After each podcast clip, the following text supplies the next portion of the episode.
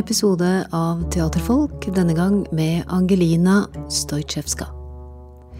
Stojtsjevska debuterte som regissør ved Nationaltheatret i 2015 med diplomoppgaven fra Kunsthøgskolen i Oslo, Strategier for en lysere fremtid. Hun har regissert ved Torshov-teatret, Trøndelag Teater, Den Nasjonale Scene, og nå har hun altså regien for Julius Cæsar Brutus' tragedie som har premiere på Teater Innlandet 20. november. Angelina Stojcevska jobber dermed for tida på Hamar, men er ellers bosatt i Berlin. Her er en samtale inne i en hage, sen høst, om teater, regi, skuespill, tyskere, feminisme, kjønn, spøkelser og om Julius Cæsar. La oss ta det fra begynnelsen. Det begynte jo med at uh, jeg er jo halvt makedonsk, så jeg har på en måte hele mitt liv følt meg norsk i Makedonia og makedonsk i Norge. Og da jeg kom til Berlin første gang da jeg var 22, så bare følte jeg meg så ekstremt hjemme. For Berlin har jo på en måte, til og med altså før andre verdenskrig, uh, før første verdenskrig, det har alltid vært en sånn historisk sett en by med veldig uh, høy turnover av mennesker. Inn og ut, inn og ut. Og så masse mennesker som ikke er født der, det er en ekte berliner. Men som det de har til felles, er at de har utrolig mye sånn fantastiske mennesker der. Sånn fabelaktige folk, hvis du skjønner. Fordi at det de har til felles, er at de har valgt å dra dit og vunnet en sånn eh, eksistensiell krig med seg selv. Og kanskje også og vunnet noen fysiske hindringer. Altså andre typer hindringer. Alle har valgt å bo der. De er ikke bare blitt født der og tilfeldigvis havnet der. Så det er veldig, noe veldig sånn bevisst over hele, hele dem. da. Og det skjer veldig ofte i den byen at, at noen sier til deg 'Å, du må møte ditt og datt'. Hun er helt fantastisk. Og når de sier det, så er det alltid sant. Så for meg var det Jeg følte meg veldig hjemme der. Det, så det var før jeg begynte egentlig skulle drive med teater og regi og sånn. Jeg var journalist, egentlig. Så, men det var ikke noe jeg var spesielt verken god til eller glad i, vil jeg si. Hvorfor ikke det? Eh, jeg fikk ikke lov å finne på noe. så begynte jeg på regi. Og diplomoppgaven din ble satt opp på Nasjonal? Ja, den eh, Jeg debuterte på Nationaltheatret. Og ble allerede da omtalt som et uh, usedvanlig regitalent. Ja. Hva tenkte du om det? Nei, fy faen, jeg var så glad. Fordi at den teksten jeg gjorde på Nationaltheatret, den, den, var jo av Fiona Mergel. Men Fiona Mergel er et pseudonym for meg og to, to, andre gutter. Fiona Mergel? Ja, det var hun som hadde skrevet den.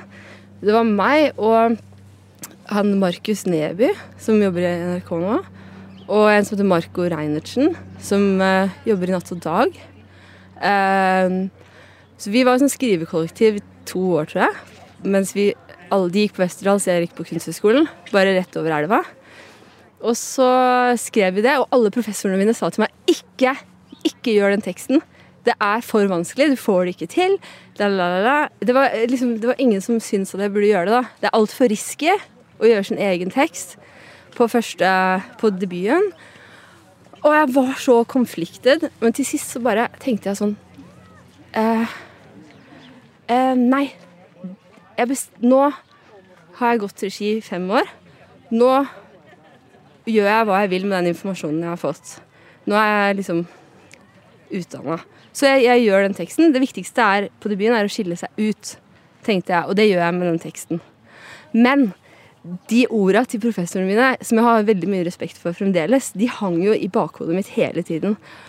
Og det er jo alltid vanskelig å få til en tekst, uansett um, hvilken tekst man gjør. Og det var det jo med den. Uh, og jeg gråt jeg tror jeg gråt hver dag på vei hjem. Jeg var skikkelig, skikkelig redd ja. uh, for at jeg skulle få det til. Også fordi at jeg tenkte sånn Nå blir jeg et sånn eksempel på at man må gjøre, høre på, gjøre som mora di sier. Um, har du vært en som har gjort som mora di sier, da? Hva tror du? Nei, ikke egentlig. Jeg tror egentlig kanskje ikke det. Nei, jeg. Jeg, ikke det. Nei, jeg har alltid uh, jeg er ganske forutsigbar sånn sett. Hvis du ber meg om å gjøre noe, så på en måte gjør jeg det motsatte enda mer. Eller jeg, ikke alltid, men med kunst så føler jeg at det er liksom jobben til en kunststudent. Er å gjøre Høre på og lære. Det er ikke farlig å lære noe. Men også gjøre som hva faen man vil. Mm. Hele tiden. Men da må du også ha noe som du vil, da. Du må ville noe som, med et positivt fortegn. Um, som føles såpass viktig at du syns det er viktigere å ta sjansen på det enn å gjøre som mora di sier, eller professoren dine. Sånn at det er ikke øh, Og så lenge man har det, noe sånt på gang, så, så syns jeg det er jobben øh, min og gjøre hva faen jeg vil alltid. Kan jeg banne på radio? Og det var også en av grunnene til at jeg flytta til Tyskland. Tyske språket. Det er på en måte, for min del er det det beste teaterspråket. Snakket du tysk da du kom dit? Litt, men nå snakker jeg helt. Og jeg vil lære meg det, jeg vil lære meg det fullstendig, for det er så sinnssykt dramatisk. Det er så ekspressivt. Det er så dramatisk. Og det første gang jeg hørte 'dramatisk' bli brukt i et positiv sammenheng, var etter at jeg flytta til Tyskland. Da var det en sånn designer som sa sånn oh, I love that dress. Es ist sehr, sehr dramatisk. Eh, det, var så, det, var så, fett. Er, så på en måte uh, Tysk er jo som skapt til teater. Men jeg må jo si jeg syns det er veldig funky på Hamar. Jeg har aldri vært på Hamar før.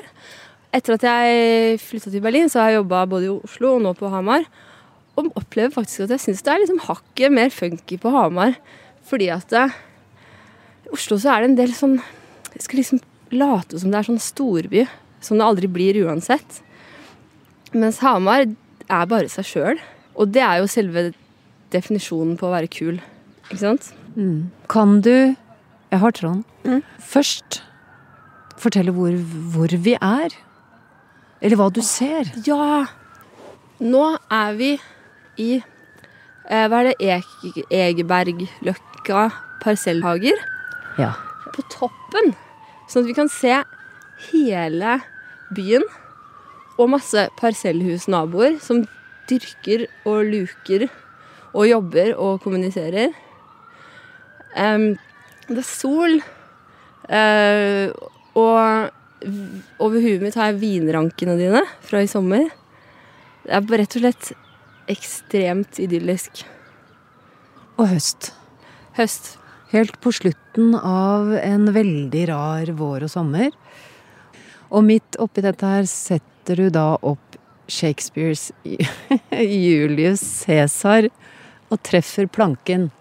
Ja. For her er det maktkamp og eh, mord og, og en veldig spesiell rollebesetning. Kan du fortelle om ditt stykke? Altså, herregud. Where to begin?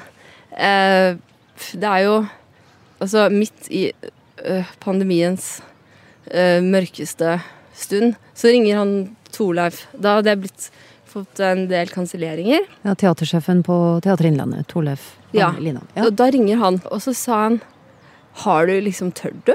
å bare kaste deg rundt. Og da var det jo fremdeles altså, veldig strengt i Tyskland. Vi lå inne i leiligheten og bare hadde helt panikk, på en måte, alle sammen. Og så tenkte jeg sånn Faen, tror jeg det går, det? Går, klarer jeg i det hele tatt sånn mental, Har jeg mental kapasitet til å for, sette meg inn i noe helt nytt, forberede alt på én sommer. Og liksom bare ta flyet i dette marerittet til Norge. Flyplasser er jo det siste stedet man har lyst til å være på nå. Og så foreslo han Julius Cæsar, da. Torleif. Han var veldig glad i den teksten. Sa han hvorfor? Altså, pandemiens vår og sommer går jo nå inn i politikkens høst. Som på et vis er veldig kjærkomment. Med en slags avledningsmanøver fra korona.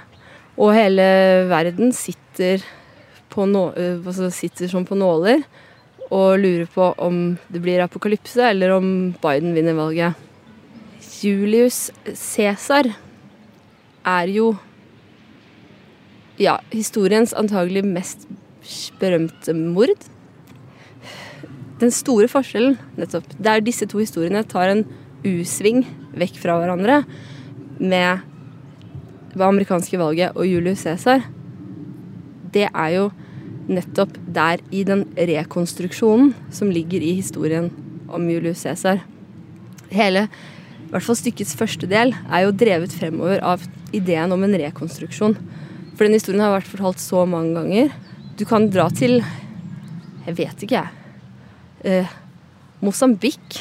Eh, og det, folk vet hvem Julius Cæsar er, eller hva som skjedde med han. Det er liksom en sånn verdenskjent historie. Eh, men da jeg forberedte den historien i sommer, så leste jeg et eller annet sted at Shakespeares originale altså originaltittel Hans første idé til tittel til stykket var 'Brutus' tragedie'. Ah, og den ble første gang oppført mot slutten av 1500-tallet? 1599 ja. eller noe sånt? Jeg husker ikke helt. Ja. Mm. Det er jo egentlig et av Shakespeares aller største verker, men Men Brutus en tragedie? Ja. Og det er Shakespeares liksom veldig, veldig originale vinkling, da. Som for meg ble sånn, et sånn vindu å klatre inn av. Da jeg skjønte at på tross av denne dominerende liksom, rekonstruksjonsideen, så fins det faktisk en veldig personlig tanke bak hele historien. Og da ble det mulig for meg å lage den. Når Shakespeare har tatt en såpass hva skal man si, originell vending, da, og snudd det til at liksom Cæsars største skuffelse eh, her i verden Det er hans tragedie vi forteller. Et to Brote. Også du, Brutus. Men da forsvinner jo Julius Cæsar ganske kjapt ut av teaterstykket. Og så er vi hos Brutus. Brutus. Men så er det jo rollebesetningen her, og så kan du fortelle litt om den? Ja, altså Jeg har jo casta Å, herregud, hvor skal jeg begynne? Åh. Jeg har jo casta jenter, kvinner eller hva de nå selv anser seg som, jeg tror de føler seg som kvinner, som Cæsar og Marcus Antonius. Altså de to mektigste menneskene i verden omtrent på den tida var to kvinner. I min versjon. Eh, det er flere grunner til det. Den ene grunnen er jo den ideen om rekonstruksjon, og jeg følte at vi var nødt til å Jeg orker faktisk ikke å se på to gamle menn som slåss om makt. Altså, den historien er jeg så sabla drittlei av. Jeg har sett den. Jeg ser den på TV hver dag, hvis du skjønner. Så jeg syns det var mye freshere, mye mer interessant å se to yngre kvinner spille det, og også forsterke den ideen om en rekonstruksjon av historien. I tillegg så er det jo faktisk Vi lever jo i en tid nå hvor det kanskje for første gang i hele verdenshistorien lønner seg å være kvinne. Nå som alle skal være så skal være så politisk. Det er veldig viktig å være politisk for tiden. Og da har du som kvinne frikort til å gjøre hva, hva faen du vil. Fordi du er politisk bare fordi du er kvinne. Altså Det å være kvinne i seg selv er en politisk handling. Noe som egentlig i og for seg når jeg tenker på det nå, blir nok et overgrep. Nok en måte å objektivisere kvinnen på. Men drit og dra, eh, det funker, da. Eh, det lønner seg, liksom. Ja, vi må være litt pragmatiske.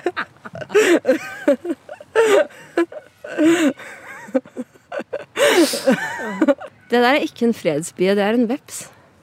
Er det det? Ja, det er det. Ser ut, det er derfor jeg ble Du, jeg tar meg en røyk, så forsvinner den kanskje. Veldig lurt. Men Julius Cæsar mm. og Marcus Antonius, ja. to mektige figurer på den historiske verdensscenen. Nettopp, nettopp. Og nå er det to kvinner som, to unge kvinner ja. som spiller, og det er en ung kvinne som regisserer. Ja. Syns jeg er veldig passende.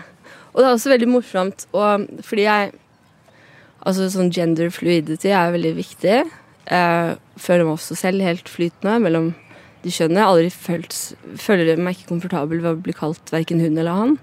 Jeg liker Angeline, jeg. Eh, hvis, hvis noen må titulere meg som noe.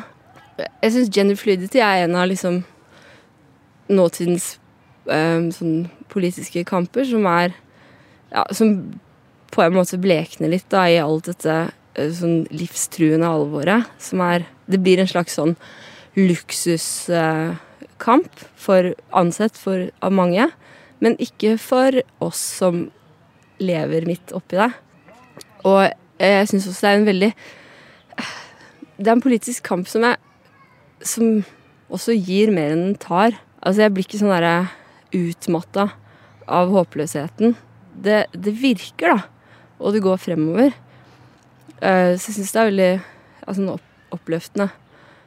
Og jo, på, uh, i Julius Cæsar så får jeg det jo til å mikse han og hun helt vilkårlig hele tiden. Jeg vil, skal, jeg vil ikke at de skal bruke han eller hun Konsekvent? Konsekvent, nei.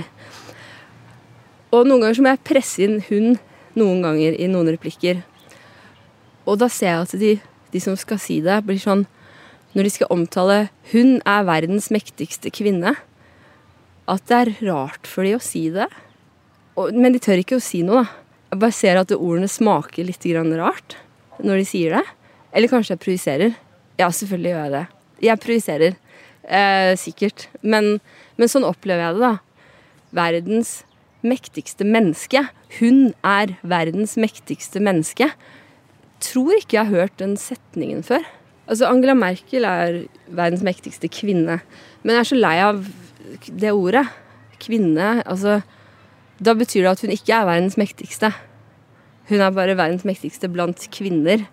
Noe som fører til en form for liksom, motbydelig konkurranse. At kvinner på en eller annen måte konkurrerer med hverandre. Du er ikke i konkurranse med andre kvinner, du er i konkurranse med alle! Mens menn konkurrerer ut alle uansett? Ikke nå lenger. Nei. det der er en fredsby, ser jeg. Ja. Krainerbier.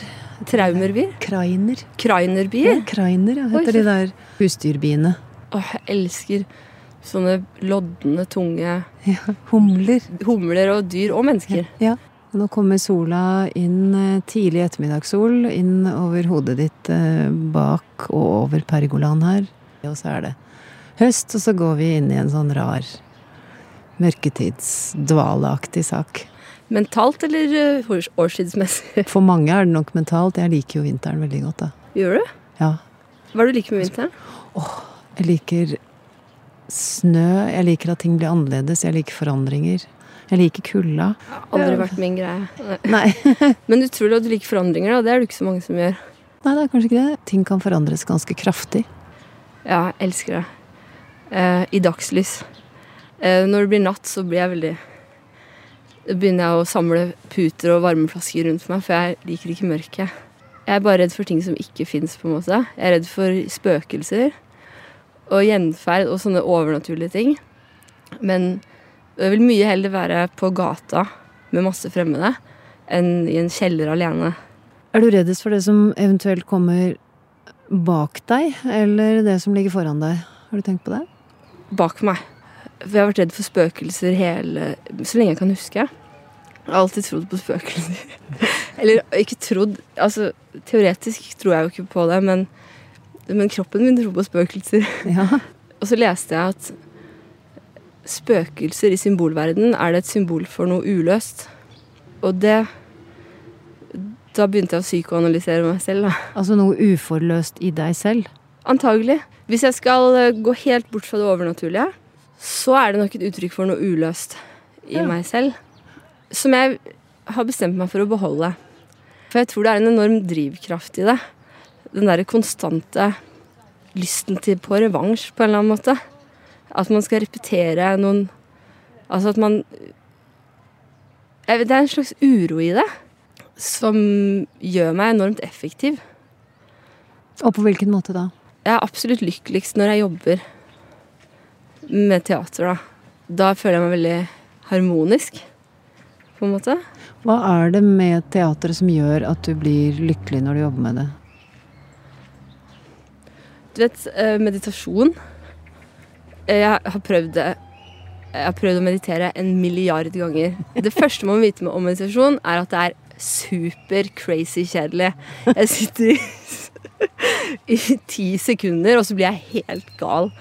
Eh, men så jeg har prøvd mange forskjellige innfallsvinkler og sånn. Det går ikke, det går ikke. Men så begynte jeg å forstå at egentlig så handler det bare om å være til stede i øyeblikket. Og så tenkte jeg hvordan vet jeg om jeg er til stede eller ikke? Jo, det er hvis du glemmer at tida går og sånn, sto det. Hvis du står utenfor døra di sammen med noen som du har lyst til å kysse for første gang, eller begge har lyst til å kysse hverandre for første gang, så står dere bare der og sier sånn blæ, blæ, blæ med munnen. Det er ingenting av de ordene som betyr noe. fordi begge bare, bare stirrer på den andre. Man ønsker så utrolig gjerne bare at de øynene på andre siden skal smile litt til deg. Det er på en måte den ultimate tilstedeværelse. Og sånn har jeg det når jeg jobber med teater òg. Jeg ser bare på de skuespillerne. Jeg hører ikke alltid så godt på orda de sier. Jeg hører veldig godt på liksom den energien bak det de sier. Og jeg følger med liksom hvordan går pusten, beveger øynene seg. Um, og det er en sånn enorm tilstedeværelse i det at jeg tror det er min måte å meditere på. Antagelig er det derfor jeg har det, har det alltid best i, når jeg er i produksjon. Det er bare en utrolig sånn nullpunktsaktig tilværelse. Og også når man er regissør, så flytter man jo hele tiden til andre byer og bor sånn to måneder i en sånn merkelig leilighet. Hvor ofte så er det bare sånn møbler det ingen andre vil ha. Er det ok? Nei, det er ikke så gøy, altså. Det er på en måte drawbacket med å ha verdens beste jobb. Eh, men det, men det at ingen, gatene, ingen av gatene i byen er dine, ingen av menneskene er dine venner, ingenting tilhører deg på det stedet. Og det eneste jeg gjør, er å gå frem og tilbake til teatret. Mellom den lille, rare leiligheten, som ofte ligger rett ved siden av teatret, og teatret. Og så er jeg bare i det derre merkelige rommet med de skuespillerne. Og så går jeg hjem, og så er jeg jo alene, så jeg ligger og tenker på hva som har skjedd hele dagen, og hva som skal skje i morgen. Og selv om jeg i praksis kunne hatt tid til å ta en telefon til jeg vet ikke jeg, folk jeg kjenner, så har jeg liksom ikke noe lyst til det. Jeg har lyst til å bare være alene, eller sånn i fred, med de tinga, da. Når jeg jobber. Så det er en veldig sånn deilig, sånn beskytta tilværelse. Så når du beskriver to som står utenfor en leilighet og har lyst til å kysse hverandre, og så For står man der og Ja, for, første, for aller første gang i livet, som er et intenst øyeblikk. Viktig omstendighet. Veldig At det er første gang. Det er første omgang. Har vært, alle har vært i situasjonene mange ganger, jeg også. Eh, Så jeg har lyst til å bare begynne å si sånn bling, blang, blopp, blopp. Har du prøvd? Har du prøvd? Ja, en gang så For da var jeg litt utålmodig på at det kysset skulle komme. Så da sa jeg Da fortalte jeg om dette som en vits. Jeg pakka det inn som en vits. Så sa jeg egentlig kunne vi bare sagt bling, bling, blang, blung nå. Og da Da Da fikk jeg et kyss. Det er veldig lurt å pakke inn ting man egentlig mener som en vits. Er det kjærlighet i Julius Cæsar? Ja, ja. Enormt. Det er jo også et aspekt ved det stykket som jeg tror veldig mange går glipp av. Eller altså, nå har det ikke vært satt opp i Norge siden 1957, faktisk. Av en merkelig grunn, for det er en helt utrolig tekst. Men som jeg er redd for at man skal gå glipp av, da. Det er jo et, er et ekstremt overnaturlig aspekt i, i Hotell Cæsar. Julius Cæsar. Altså det er bare Det er kanskje jeg vet ikke, 35-40 roller. Bare to av de er kvinner. Og det er Sunniva Dumond Nordahl som spiller begge kvinnene. Kalpurnia, Cæsars kone, og Portia, Brutus' kone. De er begge enormt i kontakt med det overnaturlige. Og begge får massevis av tegn. Og det er også en poet som heter Sinna, som blir spilt av Jon Nystemo. Han er på en måte en slags sånn hellig idiot i Roma som går rundt i byen og skriker om torden og, og løver som brøler, og, og, og, eh, og hun Kalpurnia, Cæsars kone, får sånne syn om natten at en løvinne får, masse løveunger på gata. Det er masse løver med i stykket. Og jeg er jo løve selv i stjernetegn, så jeg tok det som et tegn på at jeg skulle gjøre Julius Cæsar. Bare PS. Utlevere meg litt. Men det som skjer, er jo at det overnaturlige, den kontakten med hva skal man si, det å ha ett ben i begge verdener, da. Ett ben i denne verden og ett ben i helvete. Det er jo det egypterne anså katter for å ha. Alle kattedyr. Og de to kvinnene i stykket er enormt i kontakt med det, og de har rett hele tiden. Hvis de hadde hørt på de kvinnene, så hadde Julius Cæsar ikke blitt drept. Det hadde jo vært veldig synd, for da hadde vi ikke sittet her og hatt et intervju. Nei. Historien hadde sett helt annerledes ut, i hvert fall. Og jeg syns det er veldig vakkert hvordan de kommer med all denne intuisjonen sin, som er ekstremt logisk. Men så blir de liksom underkjent, da, for det kommer en eller annen konspiratør og bortforklarer de synene til det han vil at de skal være. Og det er jo det som er så synd med eh, intuisjon, at du den, på, på lik linje med alt annet som gjør livet verdt å leve, så er den så lett å bortforklare. Og få den til å passe inn i et sånn, sånn retorisk mønster og bety noe helt annet. Du kan trampe det i stykker med bare fem setninger. Fordi at eh, det er up for grabs hva det betyr. Tolkningen er så Hvorfor er intuisjon blitt knyttet så sterkt opp mot den kvinnelige syke? Mot kvinner? Altså Intuisjon og logikk henger jo nøye sammen. Eh, og kvinner har jo alltid vært ekstremt logiske. Og menn har projisert på kvinner sitt eget hysteri og sin egen sånn herre emosjonalitet. Altså alle grusomme forbrytelser, eh, ikke alle, men la oss si 98% som blir fortalt om, eh, historisk og i nåtiden, blir jo utført av menn. Det er jo menn som krasjer fly inn i fjell og, og terrorangrep og jeg vet ikke jeg, Hannibal. Eh, alt mulig. Det er Napoleon. Det er bare menn, hele gjengen. Og så står det en sånn grå, liksom, historisk sett, en sånn gråtende kvinne i bakgrunnen. Som har helt rett. Fordi hun, hun visste det på forhånd, og hun har prøvd å forklare han det. Ikke gjør det. Men det er ekstremt urettferdig. PS. Det er egentlig helt utrolig at vi har bedt om at det bare er likestilling kvinner ber om, og ikke hevn.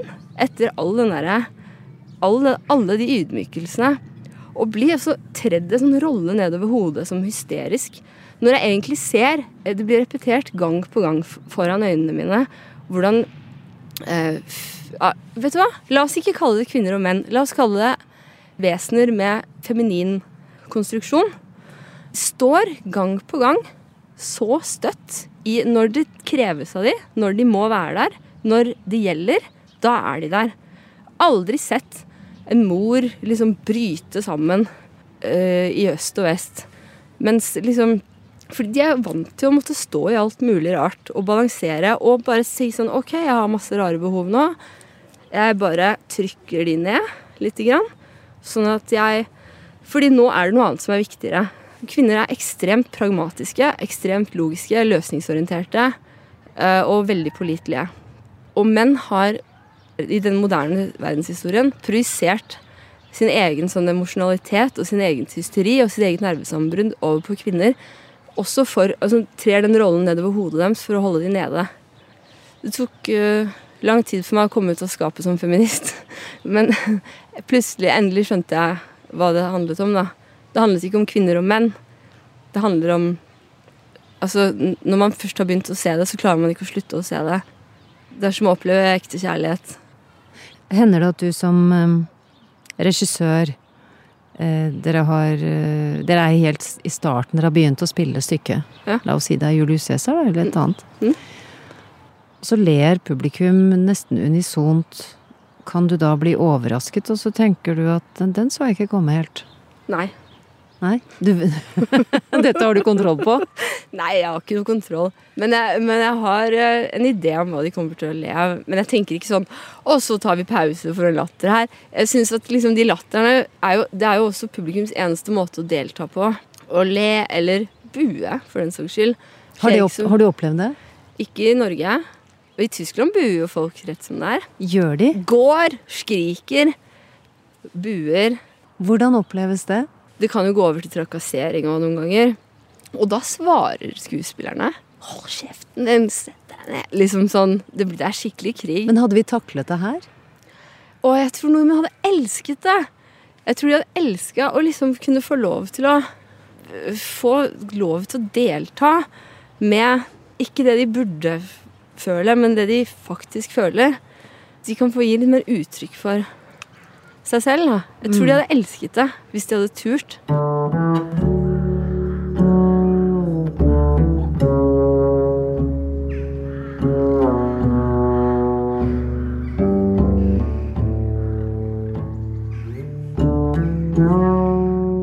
I neste episode av Teaterfolk møter du Frank Kjosås, skuespiller, sanger og regissør.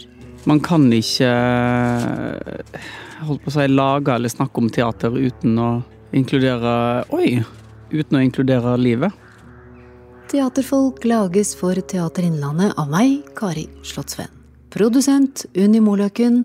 Musikken er spesielt komponert for denne serien og framføres av komponisten selv, Ellen Andrea Wang.